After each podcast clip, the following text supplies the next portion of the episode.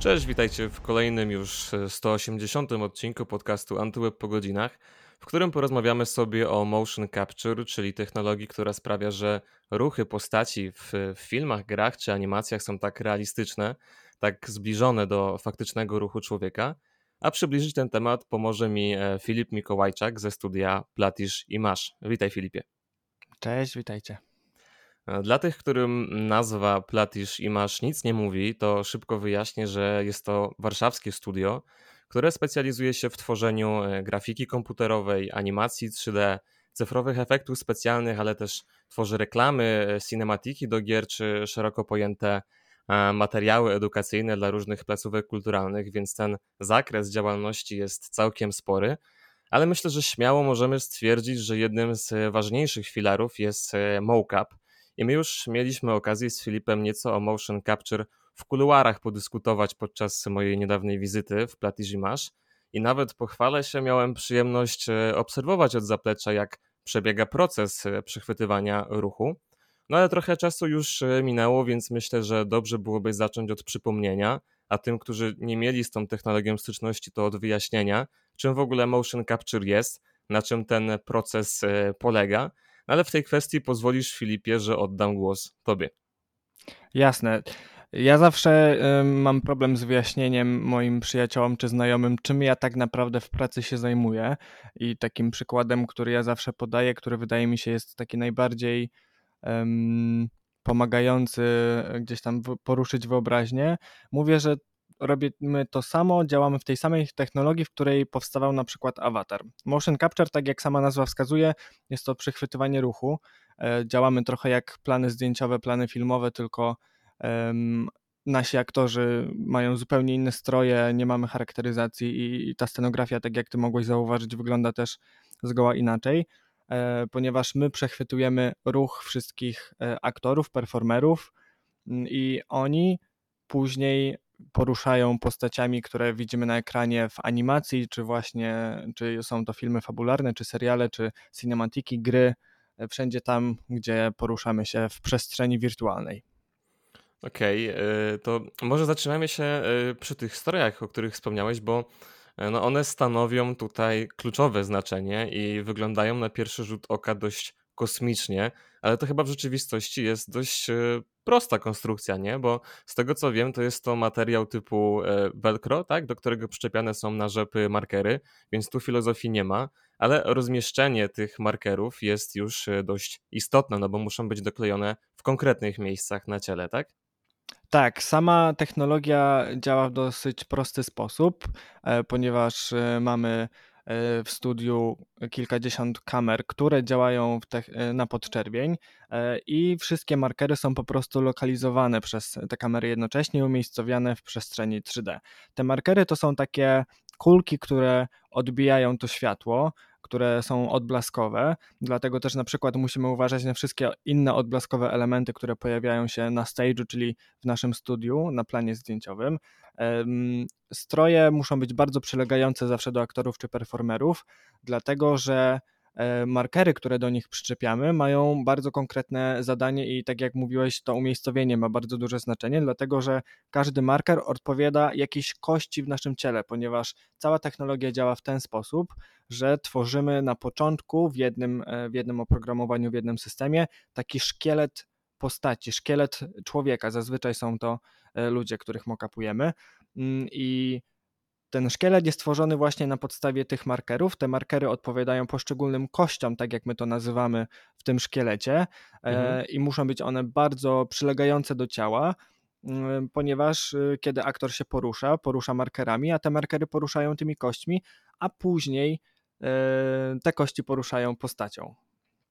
No, ale te markery i, i te stroje, one są e, tworzone jakby na, na wymiar, tak? Pod konkretnego aktora? Czy, czy jak to działa? Stroje mają takie standardowe rozmiary od S do XL.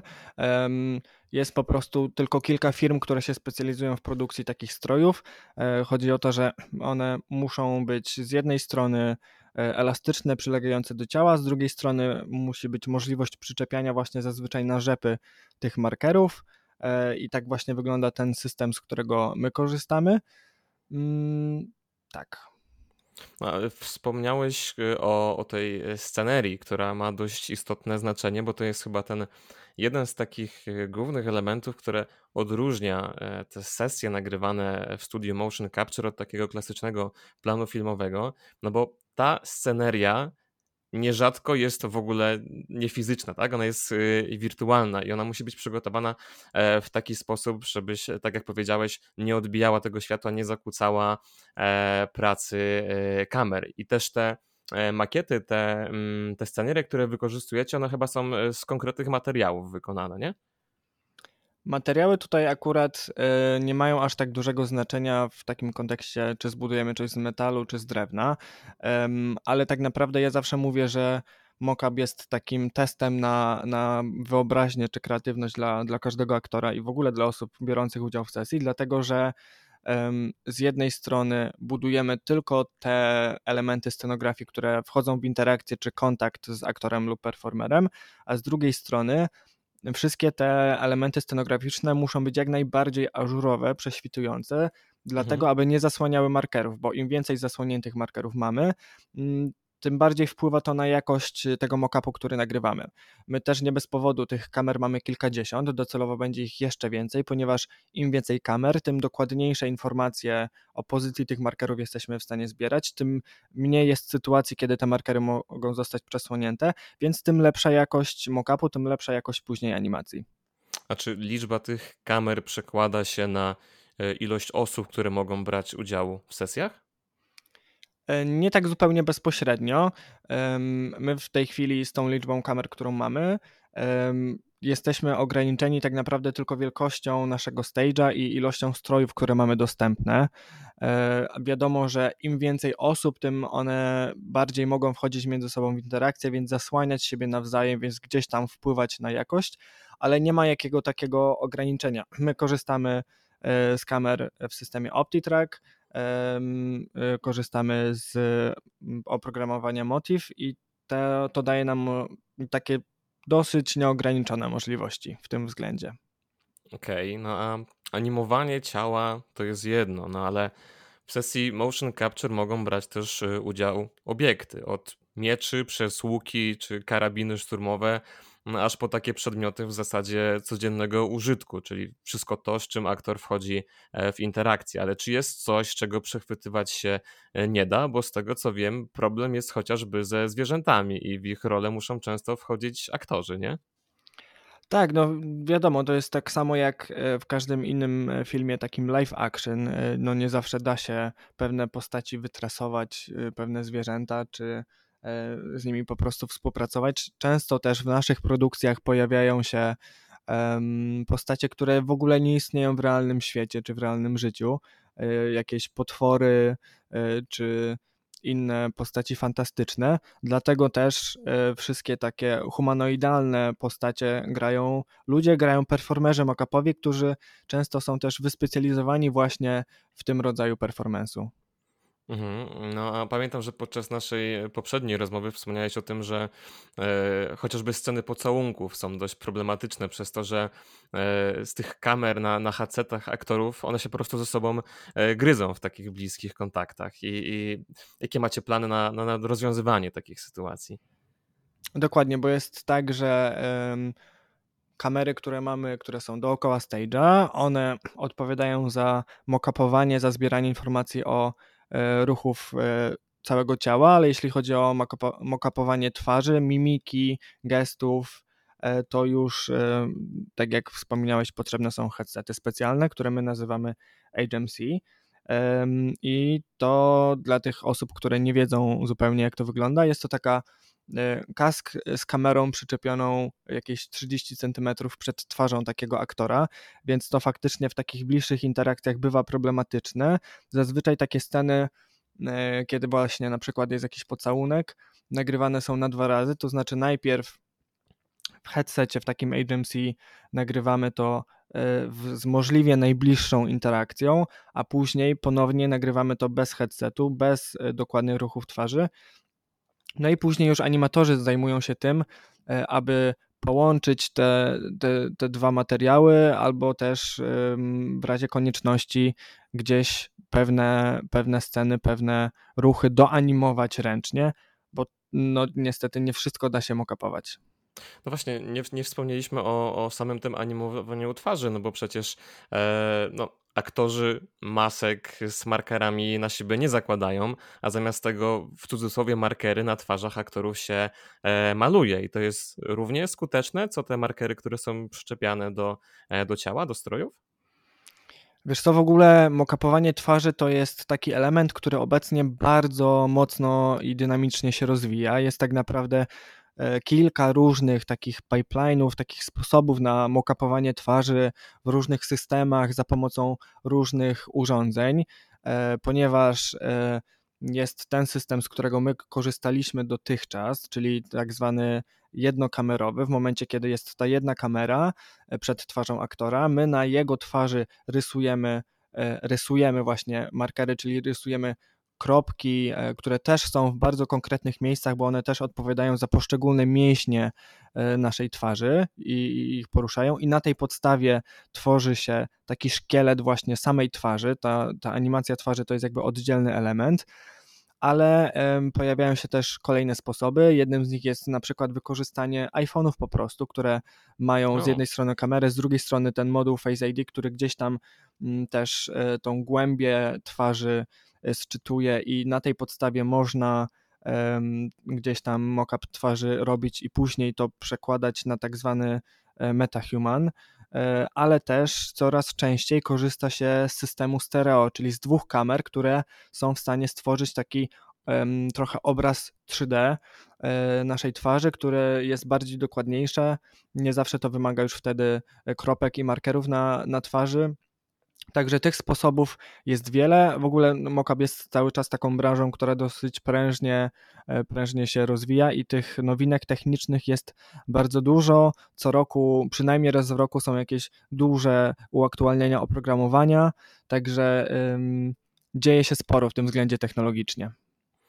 Mm, a czy mógłbyś e, troszeczkę przybliżyć ten temat y, wykonywania skanów twarzy przy pomocą iPhone'a, bo to jest dość intrygujące, bo często o e, iPhone'ach mówi się tak prześmiewczo, że Apple stara się e, wdrożyć te rozwiązania dla profesjonalistów. Ostatnio tak w ramach ciekawostki podczas tej halloweenowej konferencji iPhone'a 15 Pro w całości wykorzystano do nagrywania całego tego keynote'u, tego filmu promocyjnego, a o tym, że można mu kapować twarz za pomocą iPhone'a słyszę, mówiąc szczerze, pierwszy raz. To jest jakieś dodatkowe oprogramowanie do tego, czy, czy jak to działa?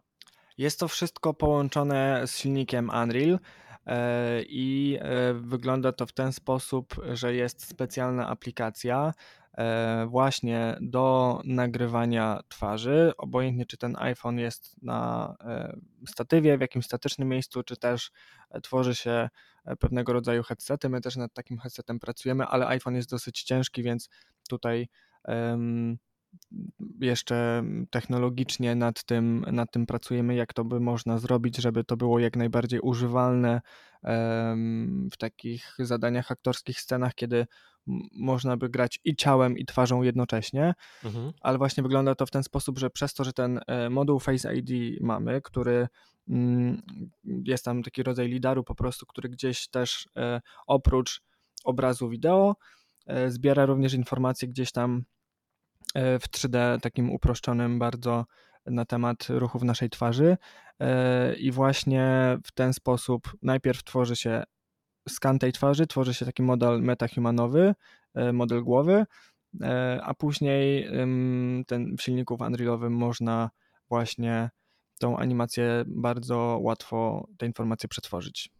Okej. Okay. Mm, no, motion capture jest w ogóle tak od strony technicznej jednym e, z pierwszych etapów tworzenia animacji. Na co dzieje się później z tym przechwyconym ruchem? Jak przebiega ten proces dalszej obróbki? To jest pierwszy, ale bardzo ważny etap tak naprawdę. Od tego wszystko się zaczyna, ale to prawda, od mockupu do finalnej animacji jeszcze bardzo, bardzo długa droga. E, są tak naprawdę różne sposoby tworzenia animacji, ponieważ czasem ten mockup dzieje się w momencie, kiedy e, mamy już gotowe postaci w 3D, mamy gotową przestrzeń, czyli scenografię, te wszystkie miejsca, w których e, te postacie się pojawiają. E, i wtedy na przykład my już na sesji mockup możemy robić tak zwany real-time previs, czyli możemy wczytać te wszystkie postacie, tą przestrzeń e, i operator, który jest wtedy na planie ma dwa monitory podglądowe, na jednym widzi aktorów na żywo, na drugim widzi już te postaci w 3D nałożonym takim uproszczonym. E, i wtedy ten e, etap postprodukcji, e, postprocesów jest trochę szybszy, ale czasem dzieje się tak, że mockup robimy jeszcze w momencie, kiedy nie wiemy, jak finalnie te postacie będą wyglądać, nie mamy wszystkich informacji, nie mamy też gotowych przestrzeni, dlatego gramy w tak zwanym limbo, czyli gramy w takiej szarej przestrzeni wirtualnej. No i później dzieje się tak, że przygotowywany jest właśnie previs animacji, czyli mm, taka Pierwsza bardzo uproszczona, e, bez żadnych szczegółów e, animacja. E, przede wszystkim najpierw ten materiał z mockupu trzeba zretargetować, czyli trzeba szkielety naszych performerów dopasować do postaci, którymi będą oni poruszać, którymi będą grali. Później trzeba to wszystko osadzić w konkretnych scenach, trzeba przygotować kamery, dlatego też my na mockupie mm, często mockupujemy, y, rejestrujemy ruchy kamery. Ona też, ten setup kamerowy jest omarkerowany właśnie po to, żeby te ujęcia można już y, zalokować w jakiś sposób, aby tą pracę później prewizową przyspieszyć, aby te kolejne etapy już były prostsze, szybsze przede wszystkim, no bo umówmy się, e, mockup y, też robimy po to, żeby z jednej strony te ruchy w animacji były jak najbardziej naturalne, jak najlepsze, ale z drugiej strony też, żeby zaoszczędzić czas, bo to wszystko można by zrobić ręcznie, można by ręcznie zanimować biegającą postać, ale raz, że ta animacja nie będzie wyglądała tak naturalnie, a z drugiej strony byłoby to o wiele bardziej czasochłonne, więc pomimo tego, że sam mockup nie jest tanim, tanią rzeczą, e, to jednak um, przygotowanie sesji mockupowej jest e, w finalnym um, rozrachunku, w finalnym budżecie animacji oszczędnością. Okej. No a jaka jest y, twoja rola w tym wszystkim? Y, bo y, ty działasz troszeczkę chyba też tak od zaplecza, no niejako nadzorując całą tą sesję mock-upową, nie? Tak, no ja działam bardzo, bardzo mocno od zaplecza. E, do niedawna byłem koordynatorem mock-upu, w tej chwili jestem junior producentem, czyli zajmuję się produkcją takich sesji mock-upowych, e, czyli jestem właśnie na tym pierwszym etapie, kiedy czy to nasz wewnętrzny projekt, czy klient zewnętrzny zgłasza się do nas z prośbą o wycenę, my musimy się pochylić nad tym, e, z jakim scenariuszem do nas przychodzą, z jakimi potrzebami, e, jaki to będzie rodzaj sesji, czy to jest sesja właśnie aktorska, czy kaskaderska, czy jest to sesja gameplayowa, czy jeszcze jakiegoś innego rodzaju. Zajmuję się przygotowaniem całej takiej sesji, zapukowaniem, często też castingami, całym etapem preprodukcji później organizacją takiego planu zdjęciowego mockupowego, przeprowadzeniem takiej sesji tak, aby wszystko e, było zrealizowane zgodnie z planem, e, no a później e, tym, żeby wszystkie materiały trafiły tam, gdzie powinny, aby można było nad nimi dalej pracować. No a co z Twojej perspektywy wydaje się największą trudnością w tym wszystkim, w całej tej koordynacji? Wydaje mi się, że um, bardzo trudno jest na wczesnym etapie zaplanować dokładnie, jak sesja będzie wyglądała, dlatego że jest e, dużo elementów, które mogą nas zaskoczyć, jest bardzo dużo elementów, które wpływa na taką sesję, dlatego że tak jak powiedziałem, właśnie wszystkie asety czy, czy przestrzenie, envy tak zwane, które są przygotowywane, każdy reżyser, z którym pracujemy, też ma trochę inny styl pracy. Niektórzy pracują bardzo filmowo, czyli mamy storyboard, który po kolei realizujemy ujęcie po ujęciu. Niektórzy grają serialowo, czyli na dwie kamery na przykład. Są też tacy reżyserzy, którzy grają tylko na podstawie listy ruchów samych, gdzie mhm. ta kamera trochę działa zupełnie niezależnie. Mockup jest też takim miejscem, gdzie nie zawsze potrzebujemy niezliczonej liczby aktorów jednocześnie, ponieważ możemy mieć dwójkę aktorów, którzy zagrają główne postacie, ale zagrają też tak zwane backgroundy. Mieliśmy, mieliśmy taką sesję, kiedy mieliśmy scenę w barze pełnym ludzi i mieliśmy mm, piątkę performerów, którzy po kolei odgrywali każdy stolik, który później w animacji można było gdzieś tam w barze e, w tle osadzić, więc y, no, jest dużo takich elementów e, zmiennych po prostu, nieprzewidywalnych. Sytuacja, takie sesje są zawsze bardzo dynamiczne. Jest tu też bardzo dużo technologii, która wiadomo lubi płatać figle, więc trzeba być gotowym na wszystko tak naprawdę. No, o tych figlach to zakładam, że wspominasz między innymi o, o tym słapowaniu tych markerów, o których już y, rozmawialiśmy, nie? czyli tym e, przełączaniu się, tym e, takim wzajemnym zasłanianiu się podczas e, takich sesji e, w bliskim kontakcie, która później no, bywa e, problematyczna do wymodelowania w, w postprodukcji, tak? Dokładnie.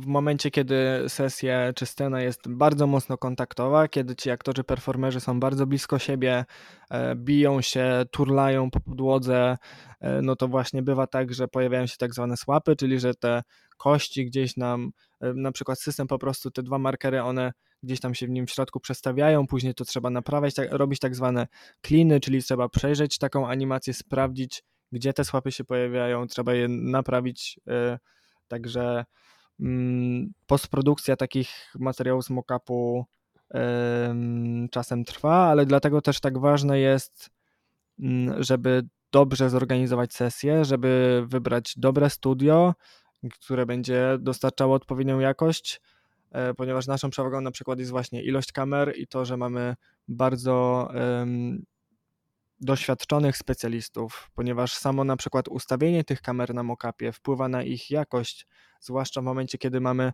duży stage, ponieważ jesteśmy jednym z największych takich studiów w Europie, e, zwłaszcza jeśli chodzi o wysokość naszego studia, co pozwala nam właśnie na bardzo dużo kaskaderskich, zaawansowanych ewolucji.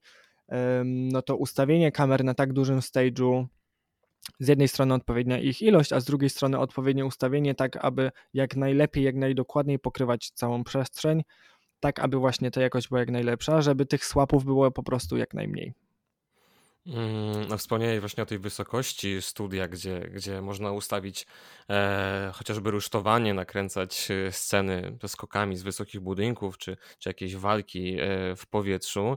No i tak zastanawiam się, czy, czy przychodzi ci do głowy teraz jakaś taka najbardziej hardkorowa sesja, jeżeli chodzi o widowiskowość tego wszystkiego, co, co działo się bezpośrednio u was w studiu.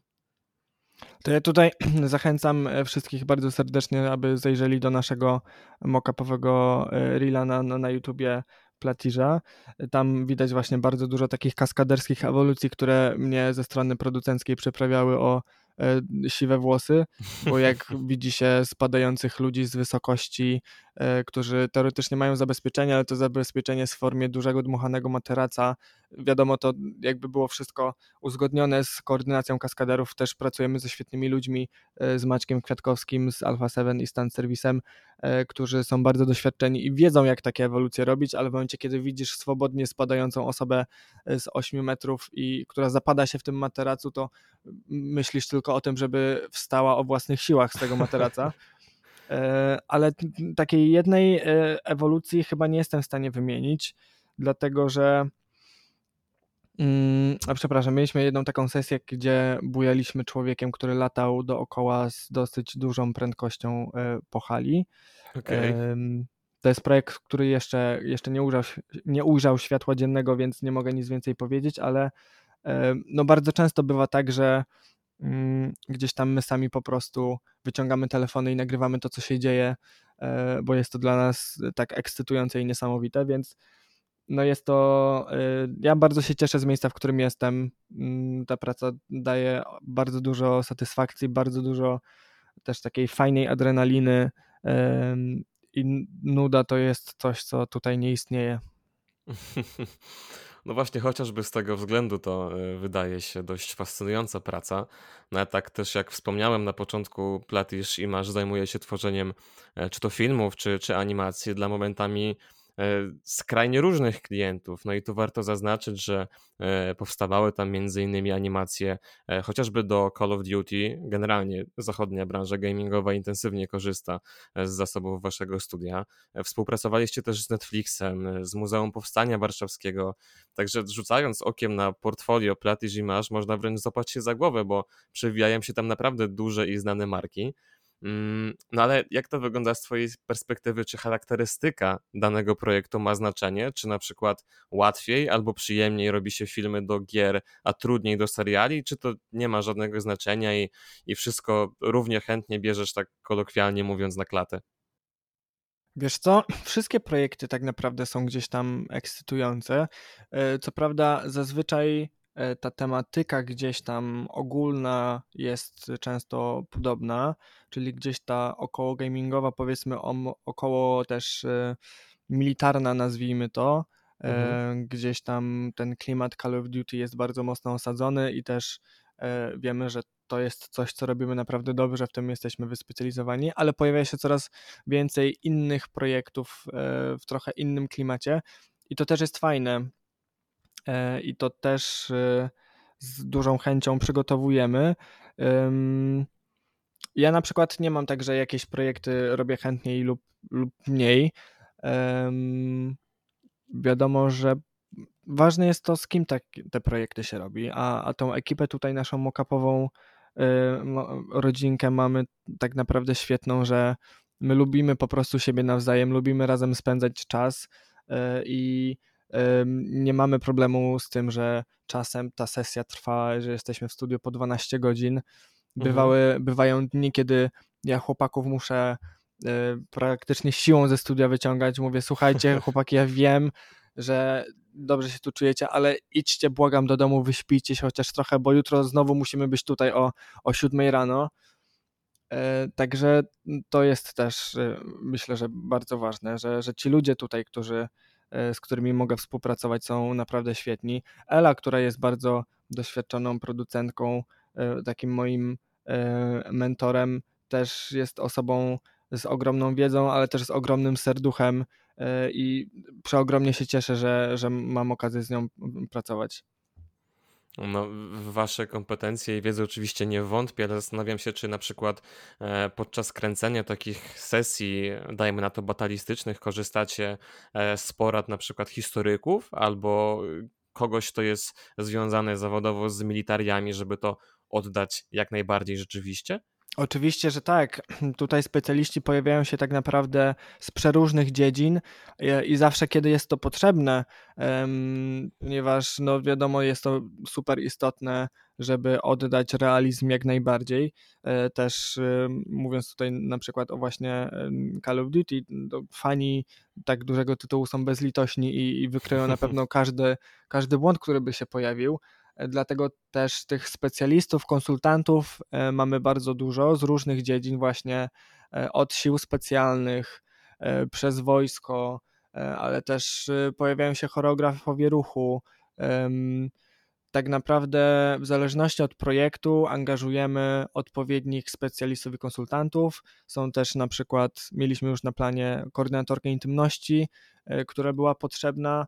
Mm, także My tutaj e, odpowiadamy za, za tą stronę gdzieś tam techniczną, merytoryczną, za przygotowanie sesji, ale angażujemy też e, wszystkich niezbędnych specjalistów, tak aby dowozić po prostu jak najlepszą jakość. A nie obawiacie się trochę sztucznej inteligencji? No bo AI wbiło się w ostatnich miesiącach bardzo mocno, nie tylko w kulturę popularną, ale też e, no, namieszało w branży rozrywkowej, bo pojawiła się cała masa narzędzi e, do generowania czy to muzyki, e, tekstu, czy obrazu. No i ja oczywiście daleki jestem od wieszczenia całkowitego wyparcia czynnika ludzkiego, no bo to jest pieśń bardzo odległej przyszłości, no ale fakt też jest taki, że istnieją już na rynku oprogramowania jak chociażby Wonder Studio, które po wrzuceniu materiału wideo umożliwiają zeskanowanie ruchu postaci i, i nałożenie na niego no w zasadzie dowolnej, nazwijmy to skórki, czy to e, robota, czy, czy kosmitne, no nieistotne. W każdym razie działa to może nie idealnie, ale całkiem sprawnie. No i jestem ciekaw, czy e, tak jak dajmy na to w branży copywriterskiej chat GPT spowodował trochę paniki, tak czy wy też w jakiś sposób obawiacie się tej rewolucji AI, czy jednak ze spokojem patrzycie w przyszłość? Oczywiście, że obserwujemy, ale myślę, że nie obawiamy się, dlatego że tak jak sam powiedziałeś, to, co można zrobić w tej chwili z pomocą AI jest bardzo, bardzo nawet nieidealne i niedokładne. Często to, co można zrobić w AI dotyczy tylko jednej osoby na przykład, jakichś takich bardzo uproszczonych ruchów. My oczywiście te wszystkie rozwiązania sprawdzamy, obserwujemy, ale już widzimy, że przede wszystkim dokładność i jakość tego sczytanego ruchu jest nieporównywalnie gorsza do tego, co my na mockupie tutaj e, robimy.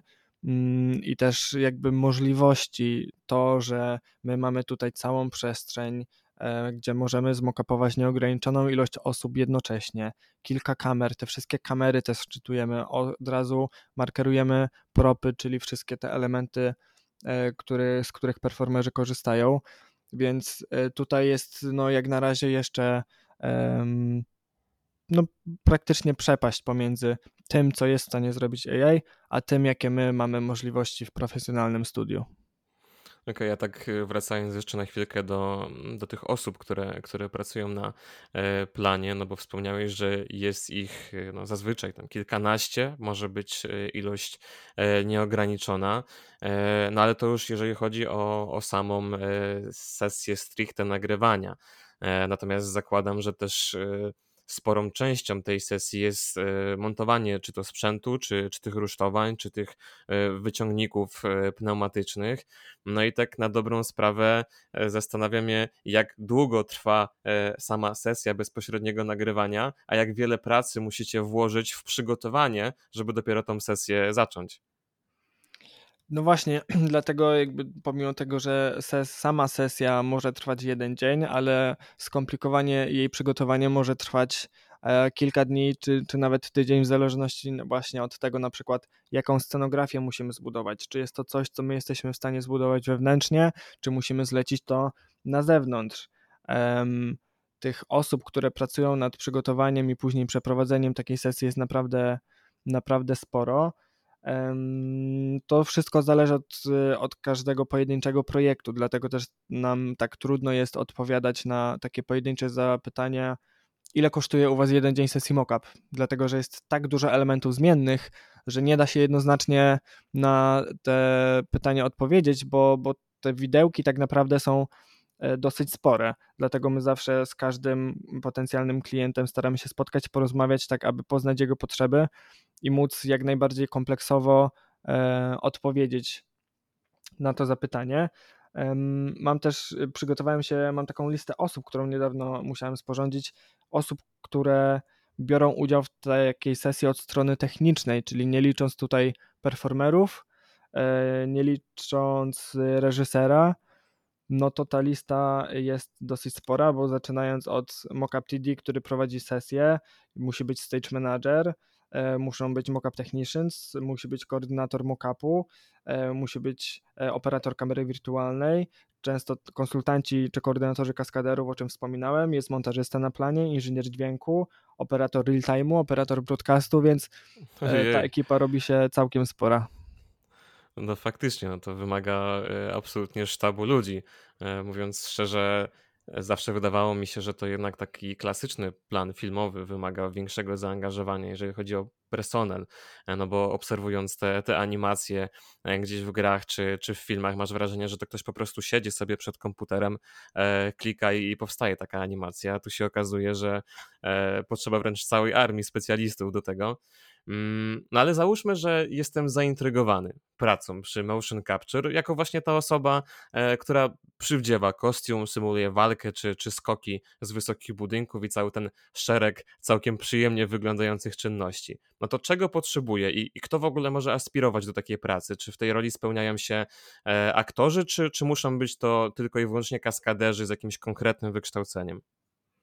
Oczywiście, że, że nie tylko e, aktorzy. Często są to kaskaderzy, bo my akurat bardzo często mamy sceny, które są dosyć wymagające i niebezpieczne, więc wiadomo, że my musimy zaangażować e, kaskaderów, ale tak jak na prawdziwym planie często, czy w filmach live action jest tak, że tą samą scenę odgrywa najpierw kaskader, ale później jednak jest to łączone też z performancem aktorskim, e, bo jednak jest to trochę inny rodzaj inny rodzaj gry aktorskiej. E, my w Polsce jeszcze nie mamy, mamy już kaskaderów z dużym doświadczeniem mockupowym w Polsce i za granicą i to są właśnie te osoby, o których wspominałem, z którymi my współpracujemy. Jeśli chodzi o aktorów, e, takich z dużym doświadczeniem mockupowym w Polsce po prostu nie ma, ponieważ też nie do końca mieli gdzie to doświadczenie zdobywać. Mhm. Więc trochę jest tak, że mm, spora część aktorów, którzy pojawiają się u nas, jeśli są to polscy aktorzy, to są oni po raz pierwszy na mockupie, ale wszyscy są zawsze bardzo zadowoleni i do nas wracają. I to jest też tak, że my trochę pokazujemy im czym jest mockup, że tu też można robić fajne rzeczy, które wcale nie są jakimiś śmiesznymi grami dla dzieci, tylko jest to poważny acting i, i, i duże role do zagrania i pojawiają się oni u nas coraz częściej, coraz chętniej, e, więc myślę, że jeszcze trochę czasu i my też w Polsce takich aktorów wyspecjalizowanych w mockupie będziemy mieli.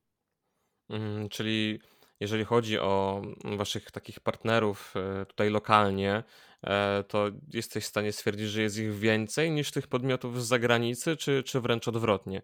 Mam na myśli te, te osoby, które zwracają się do was z jakąś konkretną prośbą o, o nakręcanie scen. Jeśli mówimy o, o klientach, no to zdecydowanie tutaj dominuje zagranica. W Polsce aż tylu animacji i tylu um, um, osób, firm, które korzystają z mockupu nie ma. Jednak ten rynek i gamingowy, i animacyjny to jest jednak domena i Zachodu, i Azji, i tacy klienci u nas e, bardzo często się pojawiają. Dlatego też myślę, że jednak nasze studio, tak jak wspominałem, jest jednym z największych w Europie, więc my jesteśmy w stanie odpowiedzieć naprawdę na bardzo e, wygórowane potrzeby mm, i tutaj nie będzie ani mm, krzty przesady, kiedy powiem, że moglibyśmy kolejną część awatara nakręcić u nas w Polsce, bo mamy takie możliwości. Mm, mhm. Myślę, że to też wpływa na to, że jednak zdecydowana większość naszych klientów to są klienci z zagranicy. Hmm, no to cóż, no to tego jak najbardziej Wam e, życzę. E, świetnie słyszeć w ogóle, że mamy w Polsce taką technologię i powstają e, takie duże projekty właśnie znanych marek zachodnich. No i też te, te polskie technologie, polscy specjaliści mają, myślę, że niewątpliwie duży wpływ na, na kreowanie tej szeroko pojętej kultury rozrywki. Mm, no, Myślałem przez chwilę, przyznam szczerze, jak e, obserwowałem wasze wyczyny w studiu, że fajnie byłoby kiedyś wziąć udział w takiej sesji, ale myślę, że chyba jednak sobie daruję i zostawię to e, profesjonalistom, ale jeżeli wy, drodzy słuchacze, marzyliście kiedyś o użyczeniu swojego ciała, przykładowo bohaterowi z Gwiezdnych Wojen czy, czy Call of Duty, no to już e, wiecie mniej więcej, jakie wymagania musicie spełniać. E, no a my tymczasem będziemy się już e, powoli żegnać. Także dziękuję Ci, Filipie, za, za odwiedzenie nas i za opowiedzenie o tajnikach motion capture. Dzięki wielkie za rozmowę.